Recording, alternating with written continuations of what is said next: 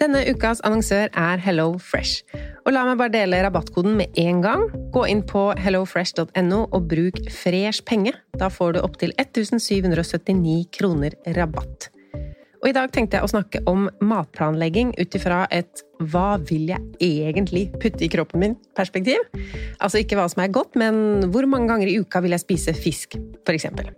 Og med Hello Fresh-appen så er dette så fint. Du velger bare ut fra en liste hvilke fem eller fire eller tre middager du vil spise uka etter. Og så kommer matkassa til deg på døra. Og du trenger ikke å tenke noe mer på hva du skal spise. Denne uka så blir det for meg to fiskeretter, to vegetarretter og en kyllingmiddag til guttene. Gå inn på hellofresh.no og se selv hva du kan velge mellom. Bruk koden FRESHPENGE for å få opptil 1779 kroner rabatt på de første seks matkassene dine, pluss gratis levering på den første kassa hvis du ikke har prøvd Hello Fresh tidligere. Rabatten kan du også bruke hvis du har vært kunde hos Hello Fresh, men det er mer enn tolv måneder siden.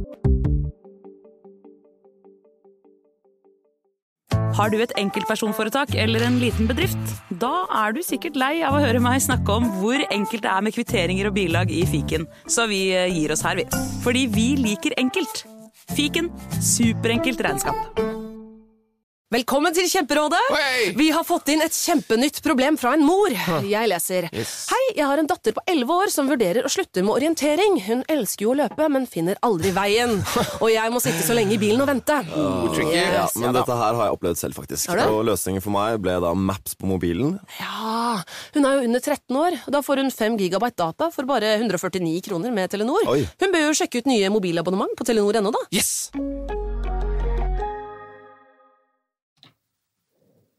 Velkommen til den store spørsmål og svar-episoden av Pengesnakk podkast. Det var hele to stykker som sendte inn sitt spørsmål i Facebook-gruppa vår. Heldigvis har jeg Instagram-gjengen min som sendte inn altfor masse spørsmål, så jeg har mer enn nok å svare på. Tusen takk til alle dere som er med på å hjelpe meg å lage pengesnakk-innhold til alle kanalene. Og det er nok oftere enn dere tror. Um, det kan være med utgangspunkt i et lite spørsmål eller kommentar fra en av dere at jeg tenker det her må jeg snakke mer om. Det her må forklares bedre. Eller her vil jeg dele mitt syn på saken. For eksempel i forrige uke så delte jeg først en video om reparasjon av klær. Jeg hadde en dugnadsdag med mammaen min. Og du, henne kan du høre et intervju med. Det er episode 166, hvis du lurer på hvor har jeg arvet sparsomheten min fra? Men vi hadde en dag hvor vi sydde i knapper, reparerte litt ulltøy. Mest av alt var det hull på knær på buksene til eldstesønnen min. Vi arver mye tøy. Det har vi vært heldige med helt fra før eldstesønnen min ble født. Og vi kjøper brukt det vi trenger utover det vi arver. Og det som er med bukser til aktive barn, som allerede er brukt av ett eller to eller tre barn før, det går hull på mange knær. Men det går det jo an å lappe. Og på den buksa som er aller mest favorittbuksen til eldstesønnen min, så tok mamma og klippet av, så at det ble til et shorts. Men shorts har vi veldig mye av, så det er bukser vi trengte. Men da tok hun en annen bukse og sydde inn et stykke over knærne, og så på med den første buksa igjen nederst.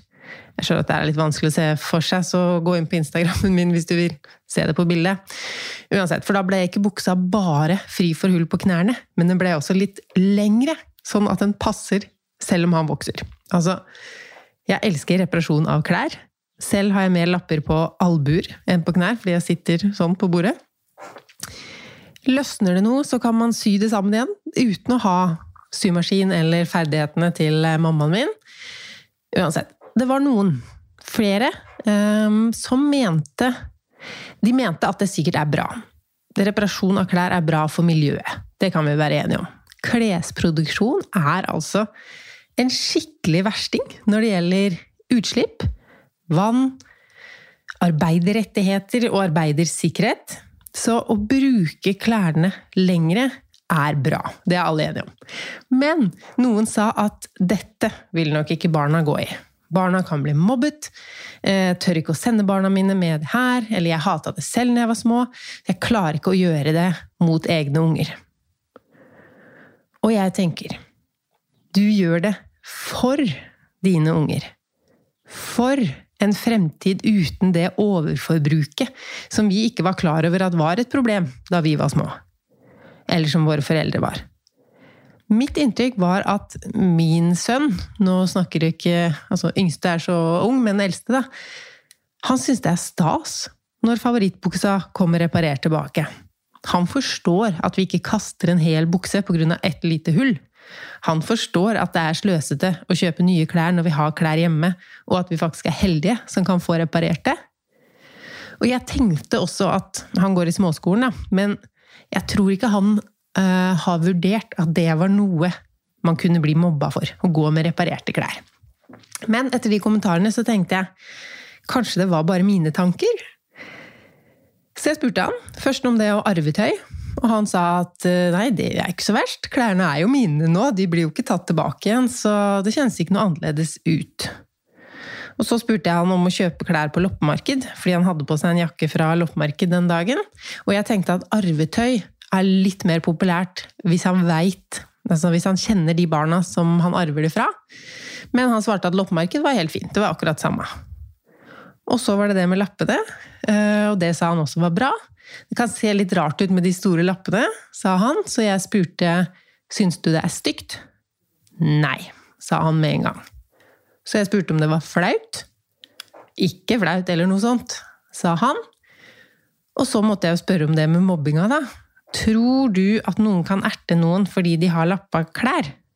Og han sa nei, helt kontant. Det hadde han ikke tenkt på. Og uansett så tenker jeg, hvis vi voksne tenker de med lappa klær kan bli mobba, det er best å ikke utsette mine egne barn for det. Vi får heller gi dem splitter nye klær. Kaste de som er litt ødelagte, bare i tilfelle. Jeg syns det er dumt. Jeg tenker spesielt vi som har barn som er trygge sosialt, har et ansvar her. La oss vise fram arvetøy. La oss vise fram reparert tøy. At vi tar vare på ting. Og med det jorda vår. Er jo så positivt! Og hvis vi klarer å la være å overføre holdninger fra 90-tallet, altså forrige årtusen, til våre barn, da er vi ganske lure. Og når det gjelder mobbing, vårt ansvar som foreldre er jo å gjøre det vi kan for å ikke lage mobbere. Og en stor del av det er å ikke snakke negativt hjemme om hva andre har og gjør.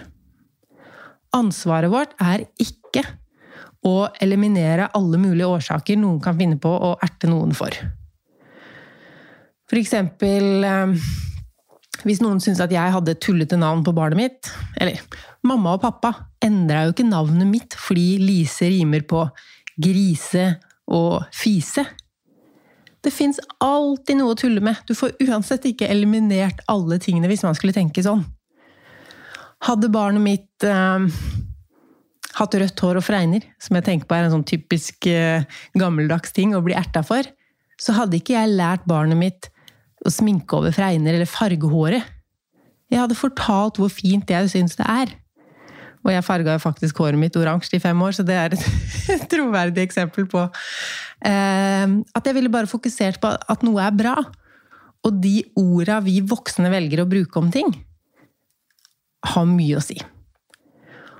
Og det vi voksne tenker er en grunn til å mobbe, det blir nok mobba for. Det er kanskje ikke det i 2023. Så sy i den knappen og la barna gå med hull på buksa, eller med lapp over hullet. Noen bukser blir jo solgt sånn. Nå sa jeg egentlig feil når jeg sa hull på buksa, jeg mente lapp. Men hull på buksa òg, det blir jo solgt ferdig med hull, og med ferdig lapp.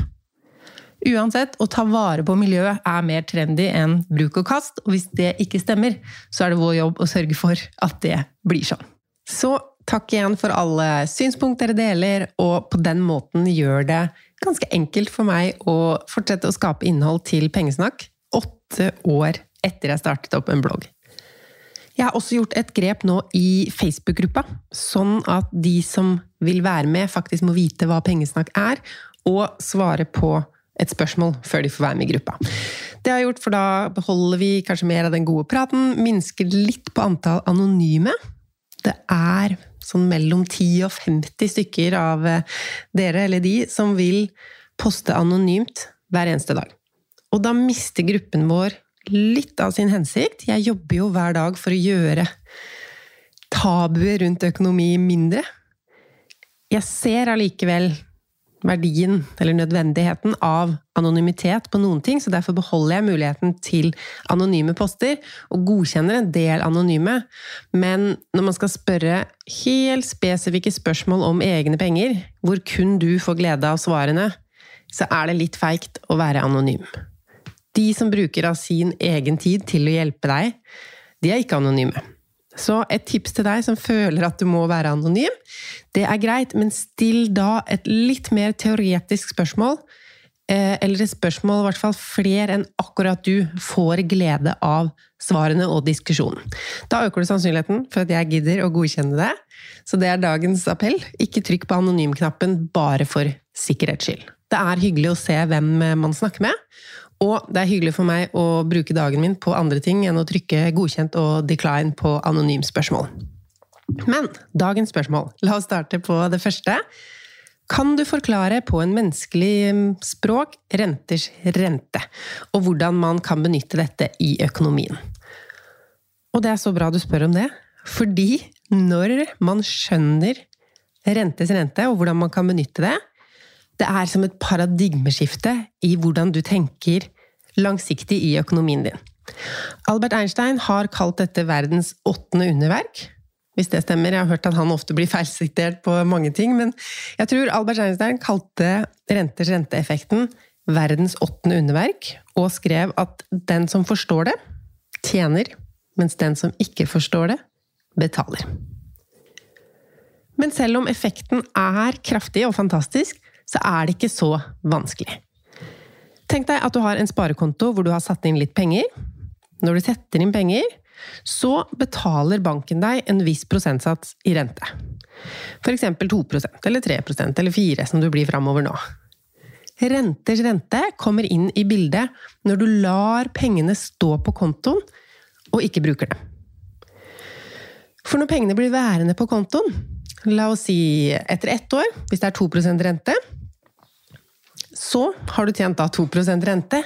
Men neste år igjen så tjener du rente både på det du satte inn, og på de 2% rentekronene fra i fjor.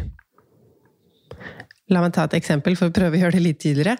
Hvis du setter inn 100 kroner, og så er det 2% rente, da har du 102 kroner etter ett år.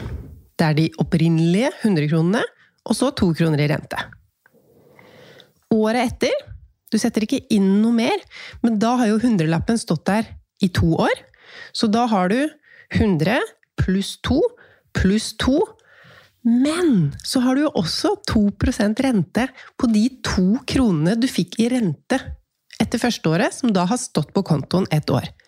Så da har du 102,04.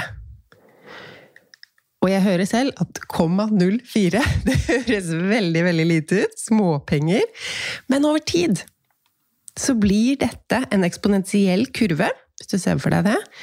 Lar du pengene dine vokse med renters rente over mange år, vil du til slutt ende opp med mye mer penger enn hvis du hadde brukt opp pengene, eller hatt dem hjemme i madrassen så de ikke hadde fått noe rente, for da kan du heller ikke få renters rente.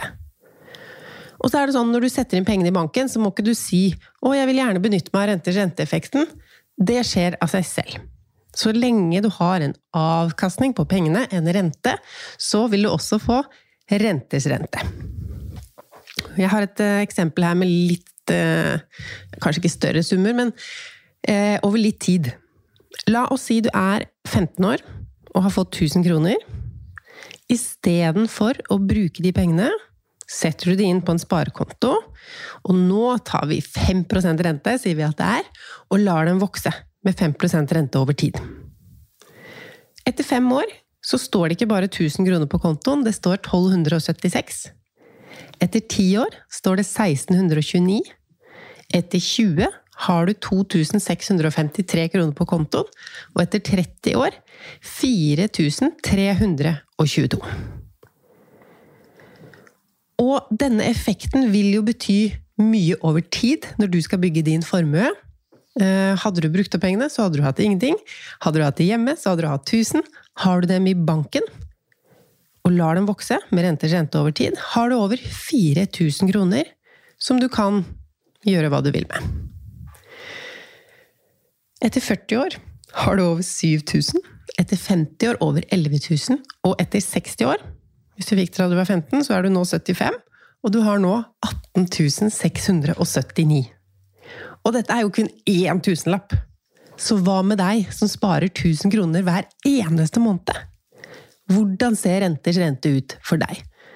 Skrev på regnestykket her, da gikk jeg ned til 4 rente, og tenker at det eh, får man fremover nå. 4% rente på sparekonto. Etter år to så har du jo spart 24 000 kroner selv, og renten du har fått 960. Men neste år så får du jo renter ikke på 24 000 kroner, men på nesten 25 000 kroner. De 24 000 pluss 960. Og så sparer du jo 12 000 nye kroner selv.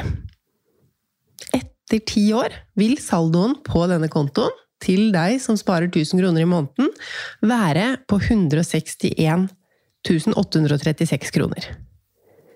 Men ganger du altså Hvis du hadde spart i et syltetøyglass, da, 1000 kroner i måneden i ti år, 120 000 blir jo den summen. Så da er det over 40 000 som er renter, og renters renter. Og så kan du se at denne effekten blir sterkere fordi året etter så får vi jo renter på 161 000 kroner. Ikke bare på de 120 vi opprinnelig satte inn. Etter 30 år så vil saldoen være 712 000 kroner, hvis den kalkulatoren jeg fant frem til, stemmer. Og da er jo og da er 340 000 av de renter. Altså nesten like mye som du selv har spart, har du fått. Så regnestykket starter med at rentene er en bitte liten del av regnestykket. Og så kommer vi nå til et punkt hvor rentene faktisk står for en større del av verdiøkningen din enn det du selv har spart. Etter 33 år skjer det her. Um, sparer du i 60 år, la oss si fra konfirmasjon til du er 75 år, 1000 kroner i måneden hele livet, og forutsetter at den 4% også varer hele livet. Det kan vi jo ikke, det kan jo øke eller gå ned. Men rente-renteeffekten skjer uansett. Etter, ja, når du er 75 år, etter 60 år, så er saldoen nesten 3 millioner. Men det du har spart, er 720 000. Så over 2 millioner skyldes renter, og at du også får rente på rentene, som gir denne sterke effekten over tid. Så ganske ubetydelig i starten, massivt etter hvert, også om du ikke sparer i 60 hele år. Så det er rente-rente-effekten. Håper du forsto det litt bedre. Det fins kalkulatorer på nettet hvor du kan legge inn dine sparebeløp, forventa rente. Eh, hvis du investerer pengene dine til en høyere forventa avkastning enn 4% så vil du jo se effekten enda sterkere enda tidligere. Neste spørsmål handler om kredittkort og bonus, hva jeg gjør. Det var mange spørsmål om det, sikkert fordi jeg snakka litt om det i forrige episode av podkasten. Og det første jeg må si om kredittkort, er at det kan være farlig. Altså ikke plastikkortet i seg selv, men om du bruker kredittkort uten en stødig plan. Med renter på mellom 20 og 30% Det hadde jo vært fantastisk om det var rentene i forrige eksempel, altså renter du får. Men her snakker vi renter du må betale for å låne. Låner du 2000 kroner i måneden i to år, ikke betaler noe tilbake. Du må kanskje betale minstebeløp hver måned på kredittkortfakturaen.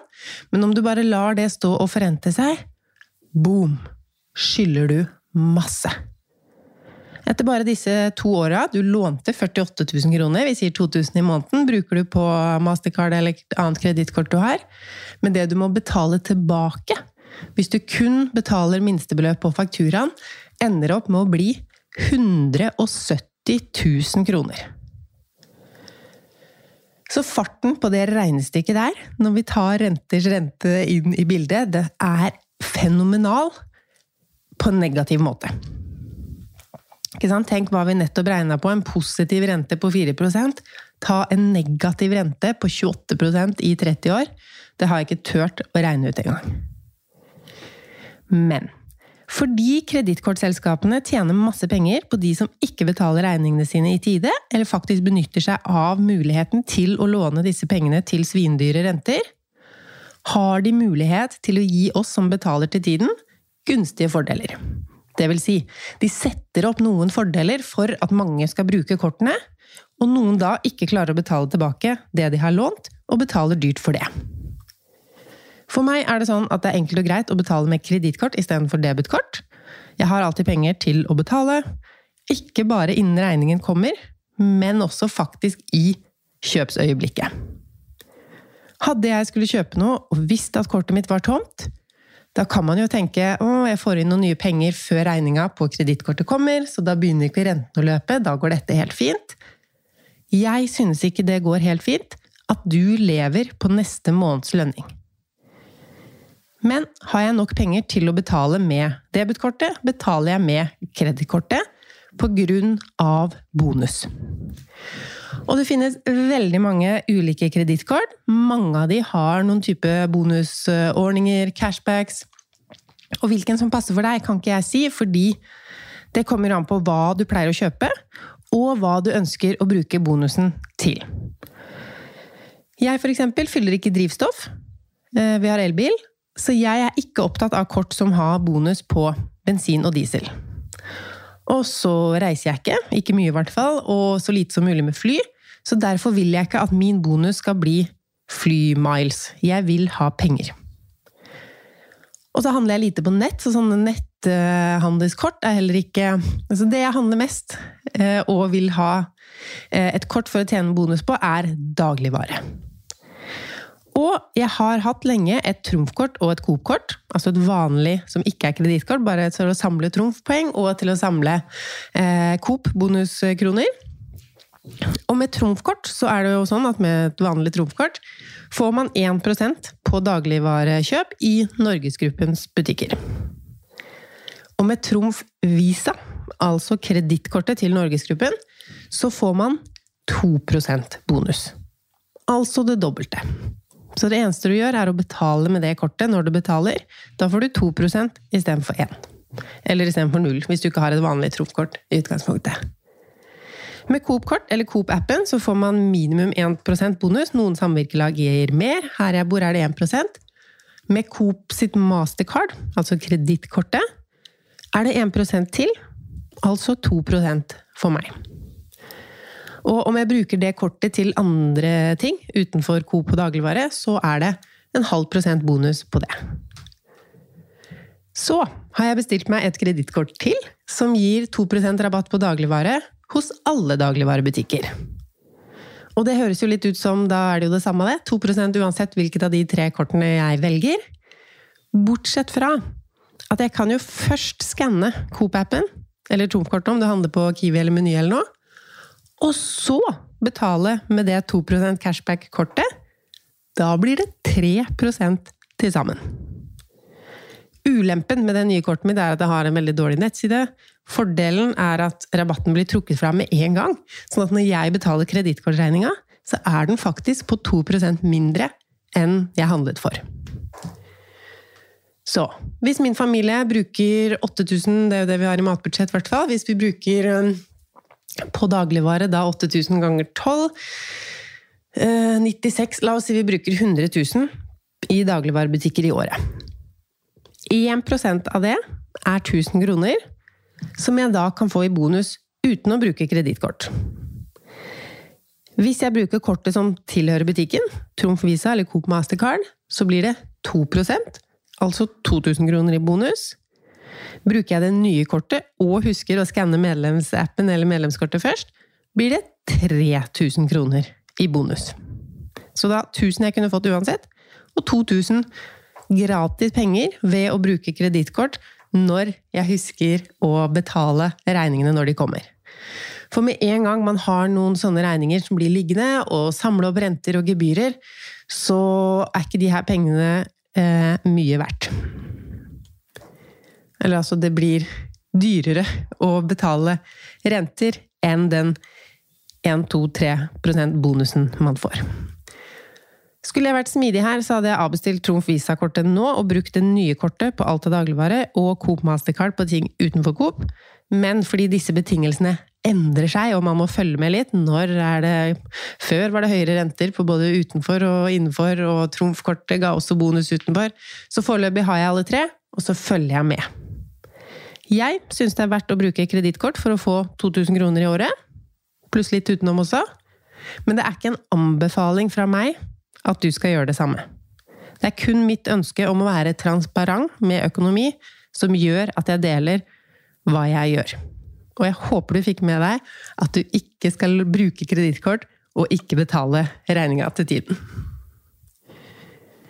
Så er det en som lurer på om det er lurt å kjøpe en mindre leilighet for å da ha lite lån, eller å ta opp mer lån, så mye man kan, for å kjøpe noe stort man kan bo i lengre. Og her er det ikke noe fasit. Og jeg skal ikke si du bør velge det, fordi sånn og sånn, det er jo også mye ting jeg ikke vet. Jeg regner med at du spør meg fordi du lurer på om det er mest økonomisk å kjøpe mindre leilighet og ha mindre lån framover, eller å kjøpe stort for å ikke måtte bytte bosted. Og med alt som handler om bolig, så tenker jeg at det handler om så mye mer enn penger. Det er der du skal tilbringe mye av livet ditt i den perioden du bor der. Så det er mye annet som må inn i regnestykket her. Men jeg skal gi deg noen ting å vurdere. Jeg har satt opp noen fordeler og ulemper. Hvis du kjøper en mindre leilighet, så har du jo mindre gjeld. Det gir deg mer økonomisk frihet fra måned til måned. Men det som har vist seg fram til nå, er jo at når boligprisene øker, så er det mer økonomisk å eie mer, fordi da øker du eh, boligformuen din eh, Hvis jeg tar den med eksempel, hvis du eier en leilighet til 1 million, og så øker boligprisen med 10% så har du 1,1.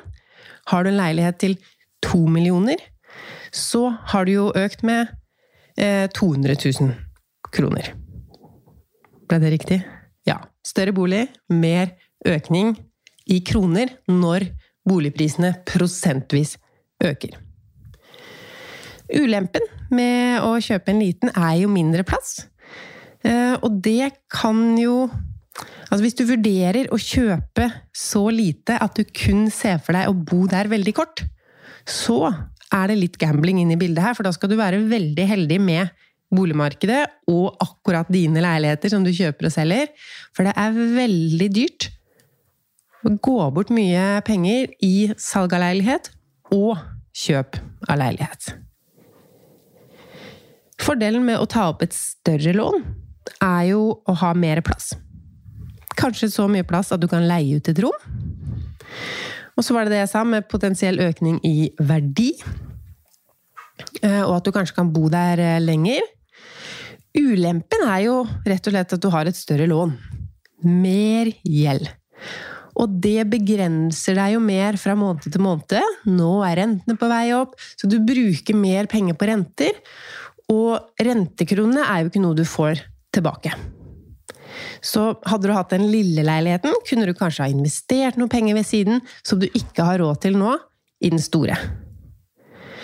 Og så er det ting å tenke på som jeg tror mange glemmer litt å tenke på, at i den store Ja, det koster mer i form av lånet, men det kan også koste mer å forsikre, det bruker mer strøm. Altså oppvarming av en liten leilighet koster jo mindre enn oppvarming av en større leilighet. Sett at det er samme energikilde, og at ikke det eh, lille leiligheten er veldig luftig, og den store er veldig tett. Eller ja, mange faktorer, så klart, men eh, vi kan vel si generelt at store leiligheter koster mer å varme opp enn små. Så er det snakk om å selge ting. Har du merket at det er vanskeligere å få solgt ting brukt nå? Vi driver jo med Selge 100 år etter år. Jeg har ikke hatt sånn kjempefokus på det i år. Men jeg tror allikevel vi skal greie å kvitte oss med eh, nok ting hjemmefra at vi kan oppnå selge 100. Skal vi se, vi har solgt 27 ting bare så langt i år. Eh, men som sagt, ikke hatt noe fokus på det. Vi bare har automatikk. At vi legger ut annonser når vi skal kvitte oss med noe, sånn at noen andre kan få glede av tingene. Og av penger inn har vi fått inn over 9000, så bruktmarkedet er ikke dødt. Jeg har ikke merka noe eh, Nå har jeg ikke lagt ut sånn forferdelig mye nytt, men eh, jeg har ikke merka at det er vanskeligere å få solgt ting brukt nå. Nei. Så regner du ut sparerate, og hvordan gjør du det? Hvordan inkluderes tilbakebetaling av lån i regnestykket? Nei, jeg regner ikke ut sparerate. Men først, hva er det? Sparerate er um, inntekten din. Og hvor mye av inntekten som du ikke bruker, altså det som er igjen, er jo hvor mye du kan spare eller investere. Og um, da oppgir man det gjerne i prosent. Hvis det er 10 Surrer jeg fælt. La oss si du tjener eh, 30 000 kroner i måneden, og så bruker du 27 000, så det er 3000 kroner igjen. Da er, da er sparinga di på 10% Blir det riktig? Da er, vi oppgir i hvert fall spareraten i prosent. Så sparer du halvparten. Den, den, skal jeg klare å regne i hodet. Sparer du halvparten av lønna di, så er spareraten din 50 Og spareraten, det sier jo noe om Det sier jo bare noe om hvor mye du sparer. Men det kan også si noe om hvor lenge du må spare for å bli økonomisk uavhengig. Men det kan vi prate om en annen gang. Men for da er det jo sånn at hvis du sparer 50% så betyr det at du lever på 50% av inntekten din, sånn at ett års lønning er nok til å finansiere to år med liv. Men bruker du opp alt, så trenger du jo å tjene like mye hvert eneste år. Så jo mindre du tjener, jo færre år må du jobbe for å ha råd til å leve livet ditt. Vi skal, eh, tenkte å ha en eh, episode om FIRE, så økonomisk uavhengighet snart. Da kan vi snakke masse om det her gøye regnestykkene. Så for å regne spareraten, da trenger du å vite din månedlige inntekt, trekke fra det du bruker. Det som er igjen, er det du sparer. Og så deler du det sånn at du får prosentvis sparing av inntekten. Og um, jeg regner ikke ut spareraten min fordi jeg ikke aner hva jeg skal tjene. Jeg har ikke noe fast månedlig inntekt. Og den ville da uh, Sånn som de første månedene i året, da når jeg tjente bare noen tusenlapper, så sparte jeg jo Altså, da hadde jeg jo ikke noe sparerate. Jeg måtte jo til og med låne av meg selv for å få nok til å bruke. Mens uh, sånn som i desember i fjor fakturerte jeg ut masse ting. Så da hadde jeg jo en skyhøy sparerate. Den var sikkert på 95% eller 90% Så det blir Det gir meg ikke noe god info å vite min egen sparerate. Men da jeg hadde en fast fastlønn, jeg visste hva jeg skulle tjene, så syntes jeg dette var et fint mål på hvordan jeg lå an. Altså hvor mye jeg sparte.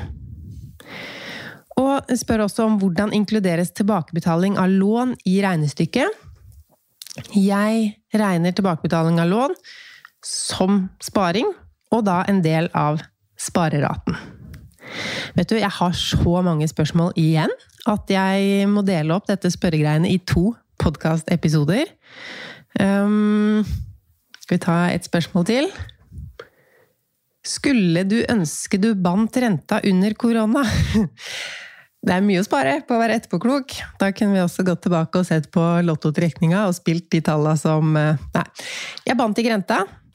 Det som talte for å binde renta den gangen, for det generelle rådet er jo å ikke binde renta for å tjene penger, men om man trenger den tryggheten, forutsigbarheten det gir å vite akkurat,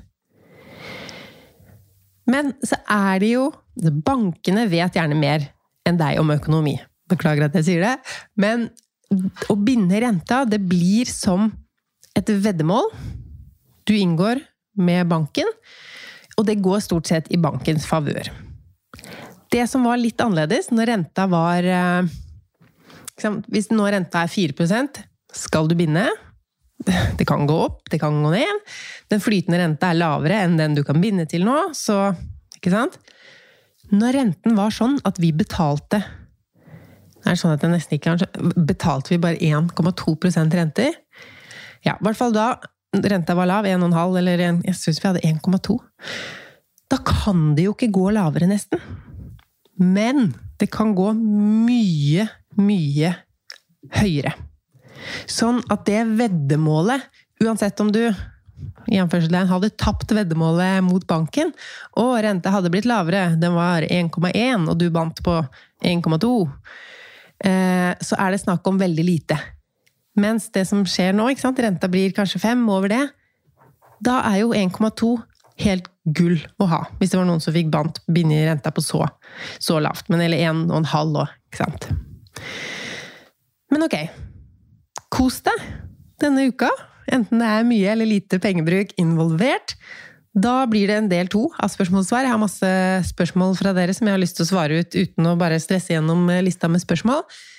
Den kommer nok da ikke før i august, for jeg skal ha pause i Pengesnakk podkast hele juni og hele juli. Eh, men det er noen episoder jeg vil gi deg før jeg tar podkastferie, så egentlig ikke ferie. Jeg begynner på august-episodene i, i, juni, sånn at jeg slipper å lage podkast når jeg skal prøve Eller når jeg skal ha ferie. Ok, Så vi høres igjen neste mandag. Men før det snakkes vi som alltid på sosiale medier. Takk for at du hører på Pengesnakk podkast, kommenterer og er aktiv i Facebook-gruppa. Jeg er kjempeglad for å ha et sånt community rundt pengesnakk.